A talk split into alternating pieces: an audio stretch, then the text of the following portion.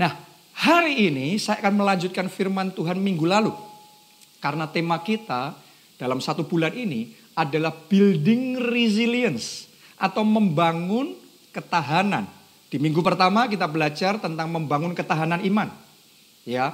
Terus minggu yang lalu kita belajar tentang membangun ketahanan keuangan. Yang luar biasa saudaraku, saya sudah menerima banyak sekali kesaksian demi kesaksian yang luar biasa Tuhan kerjakan di tengah-tengah kita. Ya saya beberapa waktu yang lalu baru saja berkunjung ke rumah mertua saya, sharing-sharing, ngobrol-ngobrol macem-macem, salah satunya tentang pekerjaan dan saya surprise karena saya mendengarkan kesaksian yang luar biasa. Nah, mertua saya itu ada di bisnis garment. Ya, dalam kondisi seperti ini banyak bisnis garment sedang mengalami penurunan yang cukup drastis. Ya, dan dia juga mengalami hal yang sama. Bulan Maret kemarin penurunannya sekitar separuh, sekitar 50 persen. Tapi ajaibnya, memang Tuhan kita itu ajaib. Ya, di saat dia mengalami seperti itu, Tuhan malah bicara dan menantang dia untuk berani mengembalikan persepuluhan 20 persen. Biasanya seharusnya persepuluhan 10 persen. Tapi Tuhan sedang menantang untuk dia memberikan persepuluhan 20 persen. Awalnya sempat bergumul dan minta kemantapan dari Tuhan.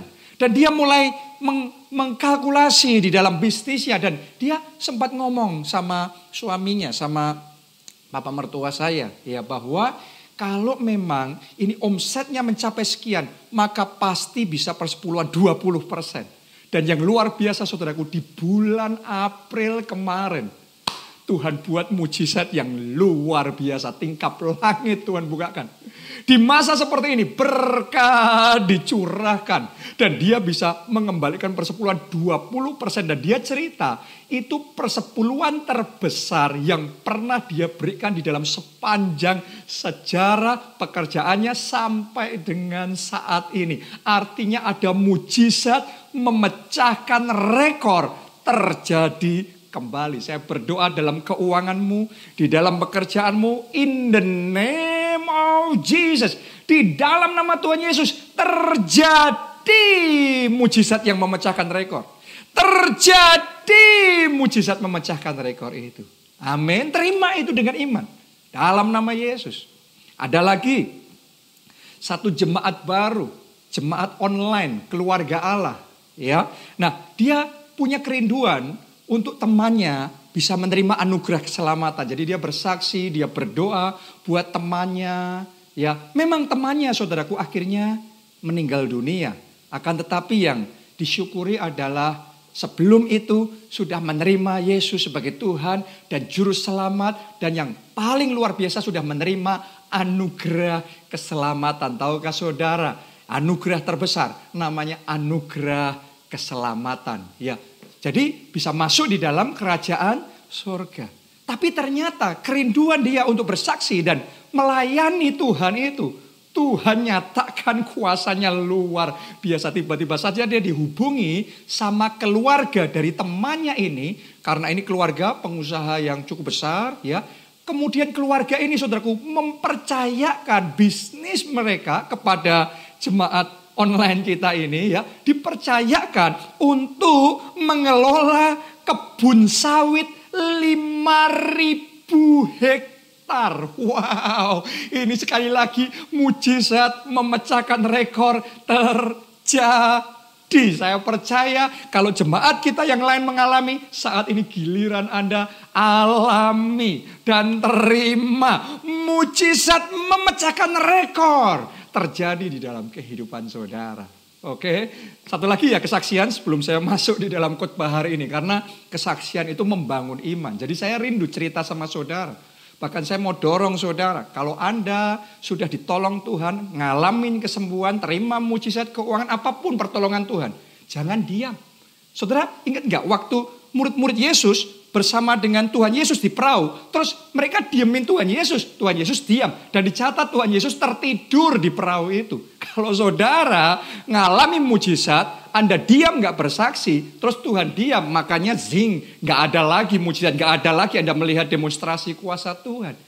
Jadi kalau Tuhan bekerja dalam hidupmu, engkau harus bersaksi. Ketika engkau bersaksi, itu menyukakan hati Tuhan. Dan Tuhan akan mengerjakan mujizat yang bertubi-tubi dalam hidup saudara. Jadi saudara kirimkan kesaksian ke saya di JSM di Instagram, di Facebook, di Twitter, ya, di YouTube, saudara di saudara kirimkan kesaksian ke saya, ya, ceritakan bagaimana Tuhan menyembuhkan dan Tuhan menolong. Karena kesaksian saudara itu akan membangkitkan iman orang-orang lain yang mendengarkannya, ya. Ada satu lagi kesaksian dari salah satu jemaat kita juga di awal tahun ini dia mengalami mujizat yang luar biasa. Ya dia bisa beli rumah yang harga normalnya senilai 5 miliar tapi karena kondisi seperti sekarang, dia bisa beli dengan harga mujizat. Saya mau ngomong sama saudara itu harga mujizat, itu rumah mujizat harusnya 5 miliar, deal 3,1 miliar. Nah sementara dia dalam proses beberapa tahap uh, pembayaran, ya dia diingatkan juga untuk mengembalikan persepuluhan. Jadi dia program di mobile banking, internet bankingnya, ya untuk program otomatis setiap tanggal 1 tiap bulan transfer otomatis ke rekening gereja persepuluhannya. Nah tapi ternyata dia ngekliknya, pencetnya salah. Bukan tiap tanggal 1 per bulan, tapi tiap hari. nah beberapa hari kemudian dia kaget loh kok rekeningnya nggak cukup ternyata tiap hari transfer sehingga untuk dia mengembalikan persepuluhan ada kelebihan 210 juta. Tapi untuk dia minta balik kan rasanya nggak enak juga. Ya sudah dia serahkan saja sama Tuhan dan dia tetap mengucap syukur. Yang luar biasa saudaraku. Dengan cara yang ajaib. Tuhan buat mujizat di dalam kehidupannya. Tiba-tiba bisnisnya diberkati. Ada berkat yang sangat besar. Senilai 3,31 miliar. Berarti 3 miliar 310 juta. Waktu dia terima itu, wah excited. Tapi dia bertanya-tanya, kenapa kok angkanya ganjil ya? Tiba-tiba roh kudus, seperti kayak memberi pengertian sama dia. Itu yang 3,1 miliar untuk bayar rumahnya, dan yang 210 juta untuk persepuluhan, kelebihan persepuluhannya. Kalau ditambahkan 3,31 miliar. Jadi mujizat yang dialami ini benar-benar unbelievable miracle mujizat yang tidak masuk akal. Dia sudah dapat rumahnya, dia juga bisa mengembalikan persepuluhan 210 juta, saudaraku. Plus itu jumlahnya ditambahkan, semuanya dikembalikan lagi sama Tuhan untuk dia, dia terima blessing yang luar biasa. Jadi saya berdoa mujizat-mujizat yang tidak masuk akal juga terjadi di dalam kehidupan saudara. Amin. Haleluya, Tuhan sedang mempersiapkan kita ini. Untuk membangun ketahanan keuangan kita. Oke, jadi rema demi rema yang disampaikan di gereja kita ini bukan cuma khotbah biasa, tapi ini ada power, ada kuasa Tuhan yang siap bekerja. Saya yakin saat ini juga kuasa Tuhan siap bekerja dalam hidup saudara. Ya, di bagian yang ketiga dari seri khotbah ini, saya mau membagikan yang namanya building uh, health resilience, membangun ketahanan kesehatan. Nah, kita tahu bahwa saat ini seluruh dunia sedang dilanda dengan yang namanya wabah virus corona. Sakit penyakit di Indonesia ada DBD dan macam-macam berbagai macam sakit penyakit. Saya mau ngomong sama saudara, saat sakit penyakit sedang melanda seluruh dunia, satu hal yang paling penting untuk kita lakukan pada saat ini adalah membangun ketahanan kesehatan kita. Jemaat keluarga Allah, saya ajak saudara, jadilah sekuat-kuatnya, jadilah sesehat-sehatnya. Di masa seperti ini, bangun stamina kesehatan saudara, ketahanan kesehatan saudara. Saya bacakan Mazmur 91 ayat 5 sampai ayat yang ke-6. Ditulis begini. Engkau tak usah takut terhadap kedahsyatan malam. Terhadap panah yang terbang di waktu siang. Terhadap penyakit sampar yang berjalan dalam gelap. Terhadap penyakit menular yang mengamuk di waktu petang. Nah firman Tuhan ini berbicara kepada saudara, engkau tak usah takut. Ya, bukan berarti kita sembrono. Bukan berarti kita tidak waspada. No, no, no. Bukan itu yang firman Tuhan katakan. Tapi hari ini saya mau tekankan sama saudara. Jangan takut. Wabah boleh melanda, virus corona, sakit penyakit apa pun boleh melanda seluruh dunia ini. Tapi saudara dan saya anak-anak Tuhan jangan takut. Kenapa kita nggak perlu takut sederhana? Karena kita punya Tuhan yang sanggup meluputkan kita dari penyakit sampar, dari penyakit menular, dari penyakit yang mematikan kita. Tuhan sanggup meluputkan kita. Boleh katakan amin. Oke. Nah, pertanyaannya bagaimana cara Tuhan meluputkan? Ada dua cara. Yang pertama yaitu membangun benteng ilahi di sekeliling kita sehingga tidak ada sakit penyakit yang bisa kena sama kita. Jadi sakit penyakitnya dijauhkan, sakit penyakitnya disingkirkan. Saudara aman dalam lindungan Tuhan. Saat ini juga saya berdoa benteng ilahi untuk kesehatan Anda dan keluarga saudara. Tuhan berikan di dalam nama Yesus. Amin. Ya, cara yang kedua Tuhan meluputkan kita adalah dengan begini. Ya, mungkin serangan itu sempat diizinkan, tapi Tuhan memberikan stamina ilahi kepada saudara. Sehingga Anda bisa memerangi sakit penyakit itu. Dan Anda yang muncul jadi pemenangnya. Jadi kalau yang pertama tadi benteng ilahi. Yang kedua yang Tuhan berikan stamina ilahi. Mungkin Anda diserang dengan sakit penyakit. Diserang dengan virus. Tapi bukan saudara yang kalah. Anda yang berkemenangan. Boleh katakan amin saudaraku. Haleluya. Ya, jadi ini cara Tuhan sama seperti di dalam Alkitab. Anda perhatikan di zaman raja-raja, ya ketika Tuhan mau menyelamatkan umatnya, ya ada dua. Yang satu diluputkan dari peperangan. Tapi yang kedua mungkin peperangan itu diizinkan datang. Musuh diizinkan menyerang.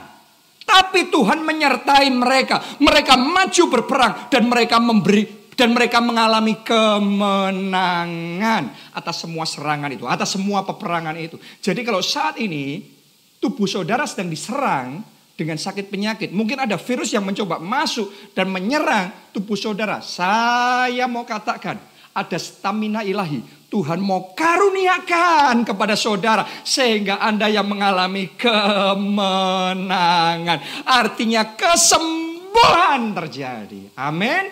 Haleluya. Jadi anak-anak Tuhan saudara jangan takut. Ya karena ada benteng ilahi.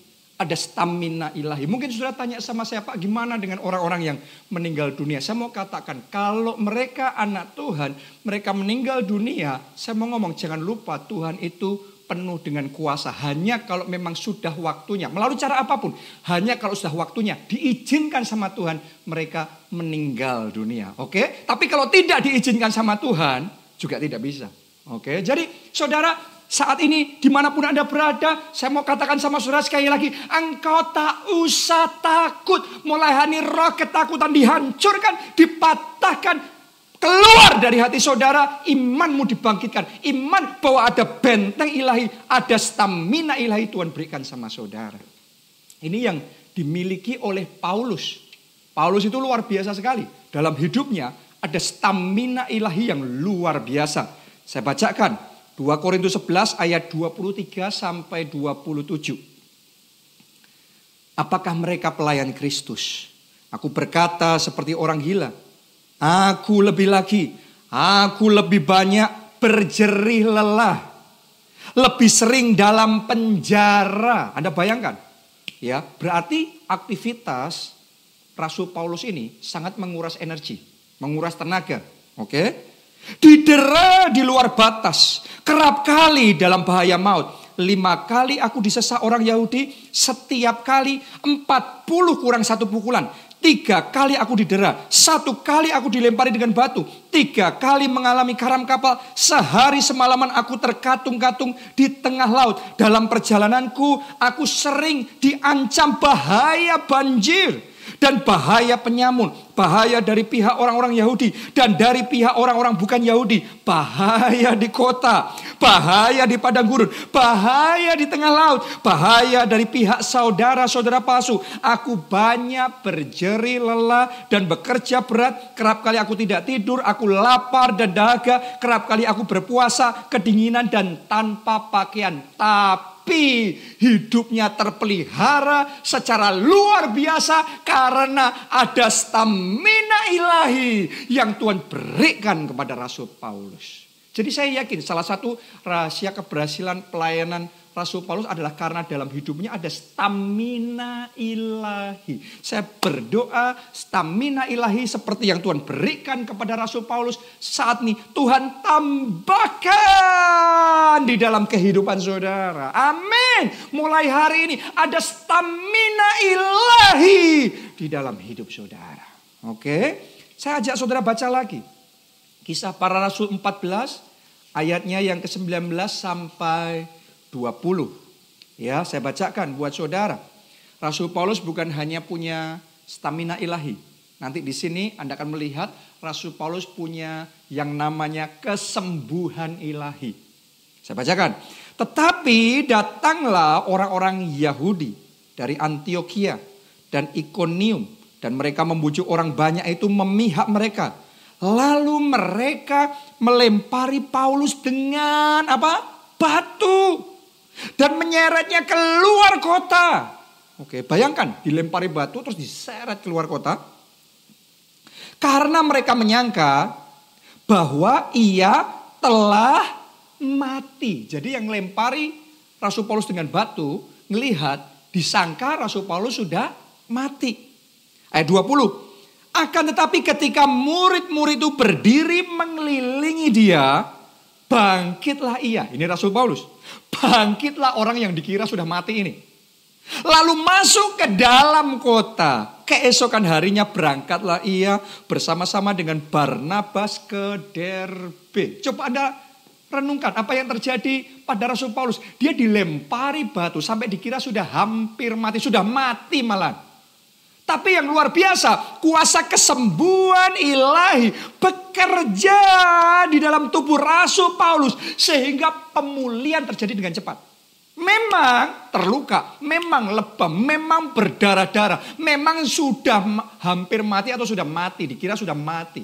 Tapi pulihnya dengan cepat, sembuhnya dengan cepat, Tiba-tiba dia bangkit kembali. Tiba-tiba dia bisa melanjutkan perjalanan. Jadi ada kesembuhan ilahi. Saya berdoa saat ini. In the name of Jesus. Dalam nama Yesus. Kuasa kesembuhan ilahi bekerja di dalam tubuh saudara. Kalau ada sakit penyakit yang sempat menyerang. Sempat membuat saudara berdarah-darah. Sempat membuat saudara terluka. Sempat membuat saudara sakit. Tapi saat ini kuasa kesembuhan ilahi bekerja membawa pemulihan dan kesembuhan terjadi. Terima itu di dalam nama Tuhan Yesus. Bahkan kalau Anda pelajari lagi, saya nggak punya waktu untuk membaca ayatnya satu persatu, saudaraku. Bukan hanya stamina ilahi, bukan hanya kesembuhan ilahi, tapi juga kesehatan ilahi. Tuhan kasih sama Rasul Paulus, masih ingat nggak ketika Rasul Paulus waktu itu sempat karam kapal, terus kemudian terdampar di satu pulau, lagi terdampar di sana, digigit sama ular yang sangat beracun, sangat berbisa, dan orang-orang di pulau itu yang lihat Rasul Paulus, mereka komentarnya orang ini sial banget sih, baru aja selamat dari karam kapal, ya eh digigit ular sebentar lagi mati. Jadi mereka ngerti itu ular bahaya dan pasti mati yang digigit oleh ular itu. Ya, tapi yang luar biasa Anda boleh baca di Alkitab. Kuasa kesehatan ilahi bekerja dalam tubuh Rasul Paulus. Ya memang ular berbisa itu menggigit. Tetapi kesehatan ilahi yang ada di dalam tubuh Rasul Paulus bekerja mengalahkan racun dari ular itu. Sehingga tidak luka, tidak mati, tetap sehat. Dan di sana ketika orang-orang di pulau itu melihat apa yang terjadi. Mereka terheran-heran. Di sana terjadi lawatan Allah yang luar biasa. Jadi saat ini saya juga berdoa di dalam nama Tuhan Yesus. Kuasa kesehatan ilahi juga diimpartasikan di dalam hidup saudara. Terima itu. In the name of Jesus. Haleluya. Oke. Nah sekarang pertanyaannya. Apa rahasia Rasul Paulus? Apa rahasia memiliki ketahanan ilahi yang luar biasa itu? Ya stamina ilahi. Kesembuhan ilahi. Kesehatan ilahi yang luar biasa itu. Dengan cepat saya akan bagikan. Nomor satu, Ya, kalau saudara mau membangun ketahanan ilahi, yang pertama, jaga kesehatan saudara secara jasmani. Ingat saudaraku, Tuhan itu menciptakan kita roh, jiwa, dan tubuh. Oke, jadi bukan cuma secara roh berdoa terus. Tapi saudara juga secara jasmani harus menjaga kesehatan saudara. Di masa seperti ini saya mau ingatkan saudara harus mengembangkan gaya hidup sehat. Oke, dimulai dari makan makanan yang sehat, yang benar. Makanan saudara harus diperbaiki secara jasmani, jangan meremehkan. No, ini juga penting sekali. Makan makanan yang sehat. Jangan lupa tidurnya cukup, tidurnya waktunya yang benar. Oke, jangan lupa olahraga. Saudaraku, di momen-momen seperti sekarang ini, saya saja secara pribadi juga melakukannya tiap hari. Saya bangun pagi, saya memang berdoa dulu, ya saat teduh dulu, ya doa dan firman dulu. Tapi sesudah itu, saya ambil waktu untuk berjemur di bawah sinar matahari. Sama Pastor Nita, sama istri saya, juga sama Pak Obaja. Ya, dan setelah itu kita lanjut dengan olahraga. Oke, jadi setiap hari kita olahraga bersama-sama, kita coba jaga makanan kita makanan yang sehat. Kita kembangkan gaya hidup yang sehat. Jadi saudara jangan ngomong pokok yang percaya, pokok yang penting percaya Tuhan, percaya Tuhan. Terus kemudian makannya asal-asalan hidupnya nggak karu-karuan. No, no, no, no. Hari ini Anda buka hati, Anda terima teguran firman Tuhan ini. Kembangkan gaya hidup yang sehat. Oke, amin. Itu harus engkau lakukan. Yang kedua, ya, jaga kesehatan saudara secara jiwani. Ya, karena tadi saya ngomong, kita diciptakan roh, jiwa, dan tubuh. Jadi kita perlu menjaga secara tubuh, tapi juga kita perlu menjaga secara jiwa. Pikiran dan perasaan, hati dan pikiran kita ini perlu dijaga. Saya bacakan dulu caranya yang pertama. Amsal 17 ayat 22. Alkitab ngomong begini. Hati yang gembira adalah obat. Oke, haleluya. Jadi Alkitab ngomong hati yang gembira adalah obat yang manjur. Zaman sekarang perusahaan di seluruh dunia sedang menghabiskan miliaran dolar, triliunan rupiah untuk menemukan obat virus corona. ya dan berbagai macam obat sakit penyakit. Saya mau ngomong sama saudara semuanya tentunya baik dan perlu dilakukan. Tapi jangan lupa saudaraku, Alkitab sudah memberikan kepada kita satu obat. Dan obatnya obat yang manjur. Dimulai dari hati yang gembira.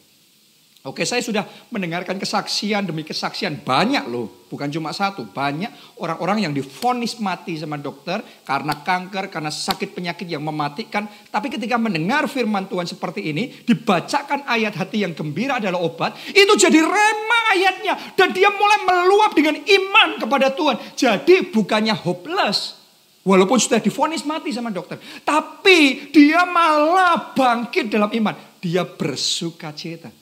Kalau Anda saat sakit, diserang sakit penyakit, bisa bersuka cita, itu iman.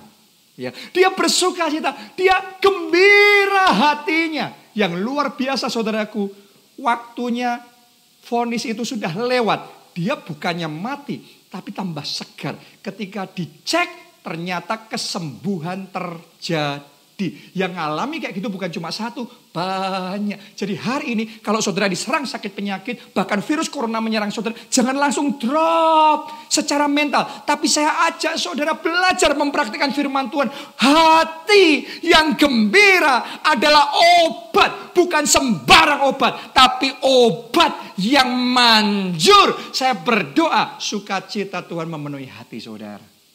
Amin. Haleluya.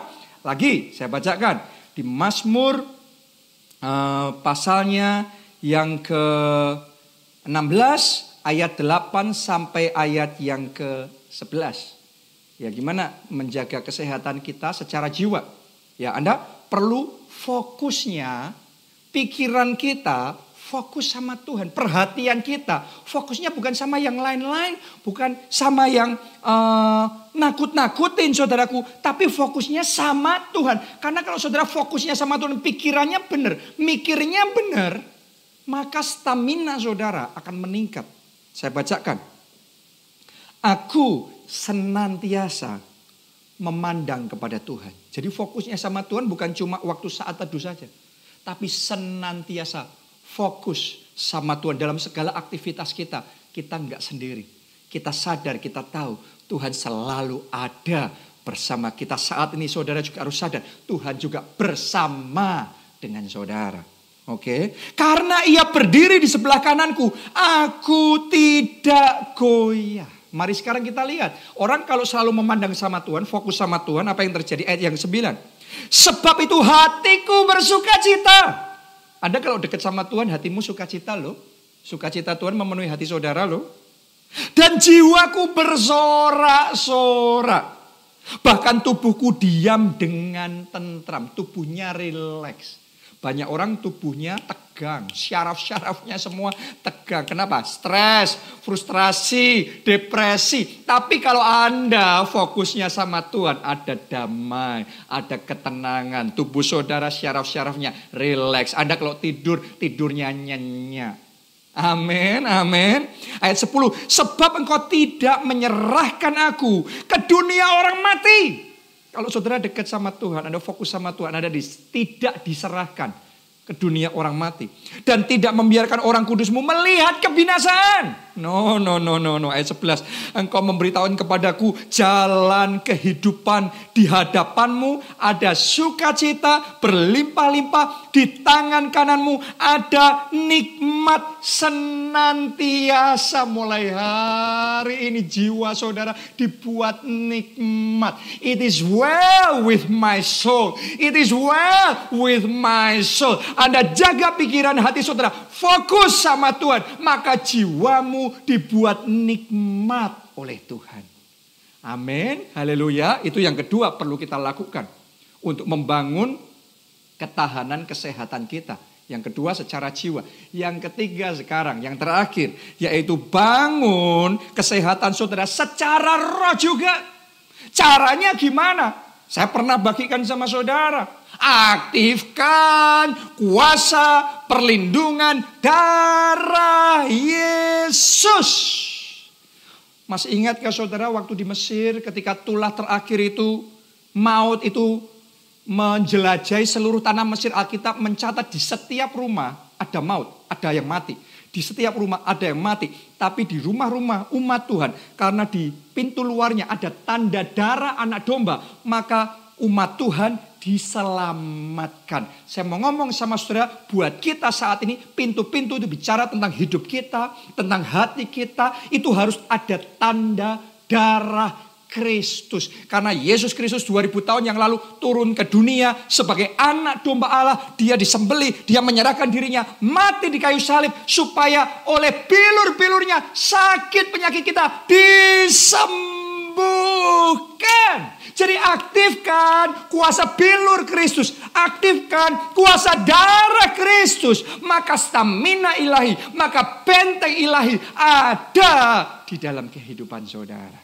Oke, pertanyaannya gimana? Caranya mengaktifkan kuasa darah Kristus. Sederhana. Nubuatkan kesembuhan dan kesehatan saudara dengan iman. Kita baca bilangan 14 ayat 28. Katakanlah kepada mereka, demi aku yang hidup. Demikianlah firman Tuhan. Bahwasanya seperti, perhatikan ya, seperti yang kamu katakan di hadapanku, demikianlah yang akan kulakukan kepadamu. Ini yang ngomong Tuhan. Kamu ngomong apa di hadapanku? Ya, demikianlah yang akan aku lakukan. Jadi kalau saudara ngomongnya, waduh mati aku, mati aku, waduh sakit aku, ketularan aku. Anda bahaya karena seperti yang kau katakan di hadapan Tuhan. Demikianlah yang Tuhan akan lakukan. Masih ingat nggak saudara? Waktu Musa mengutus 10, sorry, 12 pengintai untuk memata-matai tanah perjanjian. Yang 10 balik dan berkata begini, waduh penduduk itu, negeri itu penduduknya besar kayak raksasa, kita kecil kayak belalang, kita pasti ditelannya. Itu perkataan mereka. Dan persis seperti yang dikatakan mereka. Itu yang terjadi. Mereka benar-benar ditelan dan mati di padang gurun. Seturut perkataan mereka. Hanya dua pengintai. Yaitu Yosua dan Kaleb. Mereka ngomongnya beda. Mereka berkatanya ya memang penduduk tanah itu besar, raksasa, tapi kita punya Tuhan yang lebih besar. Jadi kuatkan hatimu. Tuhan akan menyertai kita. Kita akan merebut kemenangan. Kita akan mewarisi negeri itu sebagai tanah perjanjian kita. Itu perkataan Yosua dan Kaleb. Dan dua orang itu sementara yang lainnya binasa. Tapi dua orang yang ngomongnya perkataan profetik itu. Maka mereka mewarisi tanah perjanjian. Kenapa? Karena seperti yang kau katakan di hadapanku, kata Tuhan, demikianlah yang kulakukan kepadamu. Jadi hari ini Anda harus menyadari perkataan kita penuh kuasa. Oke, satu ayat terakhir. Saya mau bacakan buat saudara. Siapa yang memelihara mulut dan lidahnya, memelihara diri daripada kesukaran. Saudara harus mengerti, memang masa ini masa yang sukar, masa yang gelap. Tapi kalau saudara mau memelihara diri dari kesukaran, dari masa yang gelap ini, Anda harus pelihara mulut dan lidah saudara. Hati-hati, Perkataan saudara itu perkataan untuk mengaktifkan. Kalau saudara mau mengaktifkan kuasa Tuhan, kuasa darah Kristus, kuasa bilur Kristus, Anda harus ngomongnya bahwa oleh bilur-bilur Kristus ada kesembuhan ilahi, ada kesehatan ilahi, ada stamina ilahi dalam hidupku. Tiap pagi, tiap hari engkau katakan itu seturut yang engkau katakan Tuhan kerjakan itu dalam hidup saudara. Ingat baik-baik kita menyembah Tuhan Tuhan yang hidup. Kita menyembah Tuhan yang mendengar perkataan kita. Dan melakukan apa yang kita katakan dengan iman. Saudara harus sadar. Mujizat terus terjadi sampai hari ini. Oke, bukan cuma mujizat keuangan yang sudah saya ceritakan. Tapi juga mujizat-mujizat kesembuhan. Ya saya mendengar cerita-cerita banyak jemaat. Dengan cepat aja saya ceritakan beberapa sama saudara. Ada jemaat yang uh, didiagnosa ada kista di rahimnya. Tapi kemudian ya ikut doa profetik di CSM bersama saya dalam acara doa bareng Pastor Joe. Ya, di situ kuasa Tuhan bekerja. Berapa hari kemudian dia memberi laporan sama saya, kistanya sudah hilang. Jadi saat ini saya berdoa yang ada kista, yang ada daging tumbuh tidak normal di tubuh saudara atau di rahim saudara, saat ini juga dilenyapkan lenyapkan dalam nama Yesus. Kista itu lenyap, tumor itu lenyap, cancer itu lenyap, kesembuhan terjadi bagi saudara. Amin, haleluya. Ada juga saudaraku ah, jemaat dari Sumba yang bekerja di Malaysia. Ya dia dia uh, ngirim kesaksian bahwa dia ngalami mujizat instan Ya, ceritanya berapa waktu yang lalu dia ngerasa sakit di bagian gusinya. Ternyata dia cek gusinya sudah merah semua bahkan berdarah saudaraku. Terus kemudian muncul bisul sebesar batu kerikil. Ya, jadi itu sakit sekali. Dia ngerasa kesakitan luar biasa. Tapi kemudian dia mendengarkan firman Tuhan disampaikan. Setiap khotbah-khotbah yang disampaikan di gereja kita, dia tangkap, dia dengarkan dan firman itu membangkitkan imannya. Dia mulai belajar kuasa perkataan firman Tuhan, kuasa deklarasi profetik, kuasa doa profetik. Dia mulai praktek. Di Malaysia dia doain sendiri dalam nama Yesus sembuh, sembuh. Tiba-tiba suatu saat dia cek di cermin lagi dan dia bersaksi bahwa bisul sebesar batu kerikil itu sudah lenyap. Kesembuhan terjadi. Jadi saat di bisul apa pun juga yang ada di dalam tubuh saudara. Saat ini lenyap di dalam nama Tuhan Yesus. Deklarasikan itu. Perkataan saudara penuh kuasa. Oke, ada lagi yang bersaksi Ya saudara kita, jemaat keluarga Allah, sakit lambung akut. Ya bahkan karena sudah akut, sampai beberapa kali waktu kesakitannya luar biasa harus masuk UGD. Ya, akan tetapi kemudian saudaraku, ya ini keadaan lebih parah lagi, dia harus terikat mengkonsumsi obat-obatan sampai empat bulan nggak bisa lepas dari obat yang luar biasa. Dia isi dirinya dengan firman Tuhan. Imannya bangkit. Dia belajar tentang doa profetik. Tentang deklarasi profetik. Dan dia mulai nubuatkan kesembuhan atas hidupnya sendiri.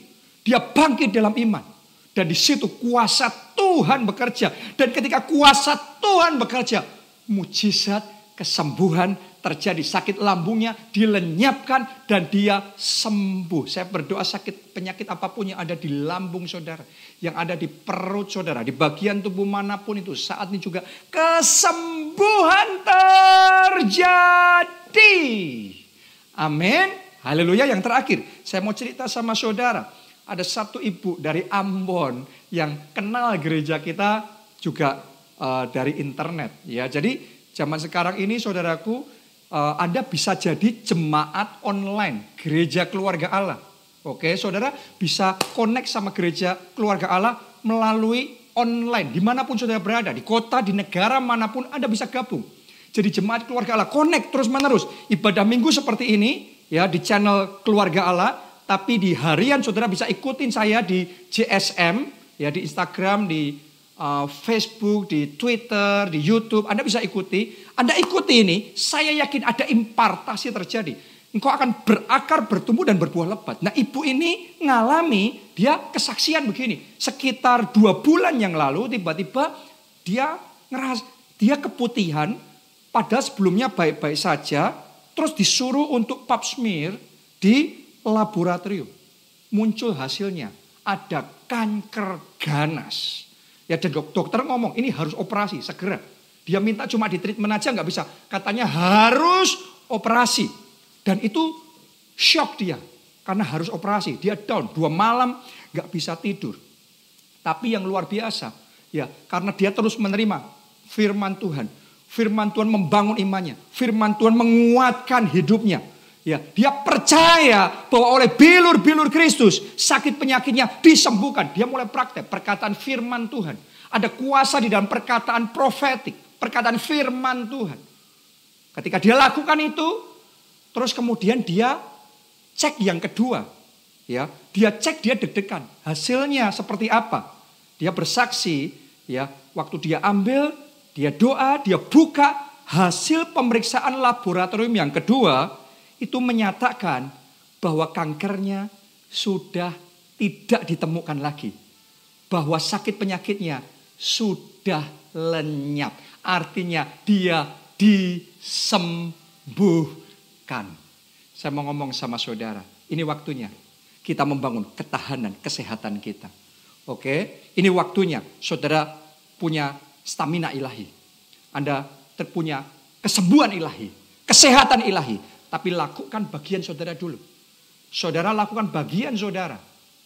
Oke, bangun kesehatan saudara secara jasmani. Bangun kesehatan saudara secara jiwa. Bangun kesehatan saudara secara roh. Karena saya percaya kalau kita lakukan bagian kita, maka Tuhan akan melakukan bagiannya. Oke, jadi kalau saudara mau ambil komitmen melakukan bagian saudara, mari saat ini Satukan iman saudara di mana pun berada. Jangan cuma nonton. Mari konekkan hati, konekkan iman. Bisa nggak saudara arahkan dua tangan saudara seperti ini. Ya. Terus kemudian ikuti doa saya. Katakan di hadapan Tuhan. Karena yang kau katakan di hadapan Tuhan. Tuhan ngomong, akan kulakukan. Oke. Jadi saat ini saudara katakan, Tuhan Yesus. Tuhan Yesus. Aku mau komit. Aku mau komit. Membangun ketahanan kesehatanku. Membangun ketahanan Secara kesehatanku. tubuh. Secara tubuh. Secara jiwa. Secara jiwa. Secara roh. Secara Aku roh. komit membangun ketahanan tubuhku. Mari angkat suara saudara. Masing-masing berdoa saat ini. Oh, rala basyara la pakasyara takapa. Saudara katakan sama Tuhan, Tuhan aku mau lakukan bagianku. Mulai saat ini aku mau membangun gaya hidup yang sehat. Di dalam nama Tuhan Yesus. Orala wasyarala. Secara jasmani aku mau mengembangkan gaya hidup yang sehat. Juga secara jiwa aku ambil keputusan mulai hari ini. Aku mau bersuka cita karena. Aku mau bergembira karena Tuhan. Sebab firman Tuhan berkata, hati yang gembira adalah obat yang manjur. Aku mau Tuhan. Aku mau Tuhan. Aku mau jaga pikiranku. Aku mau jaga fokusku. Aku mau jaga hatiku. Tuhan tertuju tetap kepada Tuhan saja. Sehingga ada damai sejahtera dalam hatiku. Ada ketenangan dalam hidupku. Ada sukacita di dalam hidupku. Tuhan, aku juga mau aktifkan kuasa darah Kristus. Mulai hari ini perkataanku, perkataan profetik. Mulai hari ini perkataanku, perkataan kesembuhan. Mulai hari ini perkataanku, perkataan kesehatan. Orala wasyarataka. Doa saudara, doa. Oh, berikan kekuatan ya Tuhan. Untuk aku membangun kesehatan. Aku mau lakukan bagianku. Aku percaya Tuhan lakukan bagian Tuhan. In the name of Jesus. Terima kasih Tuhan. Terima kasih ya Tuhan. Terima kasih ya Tuhan.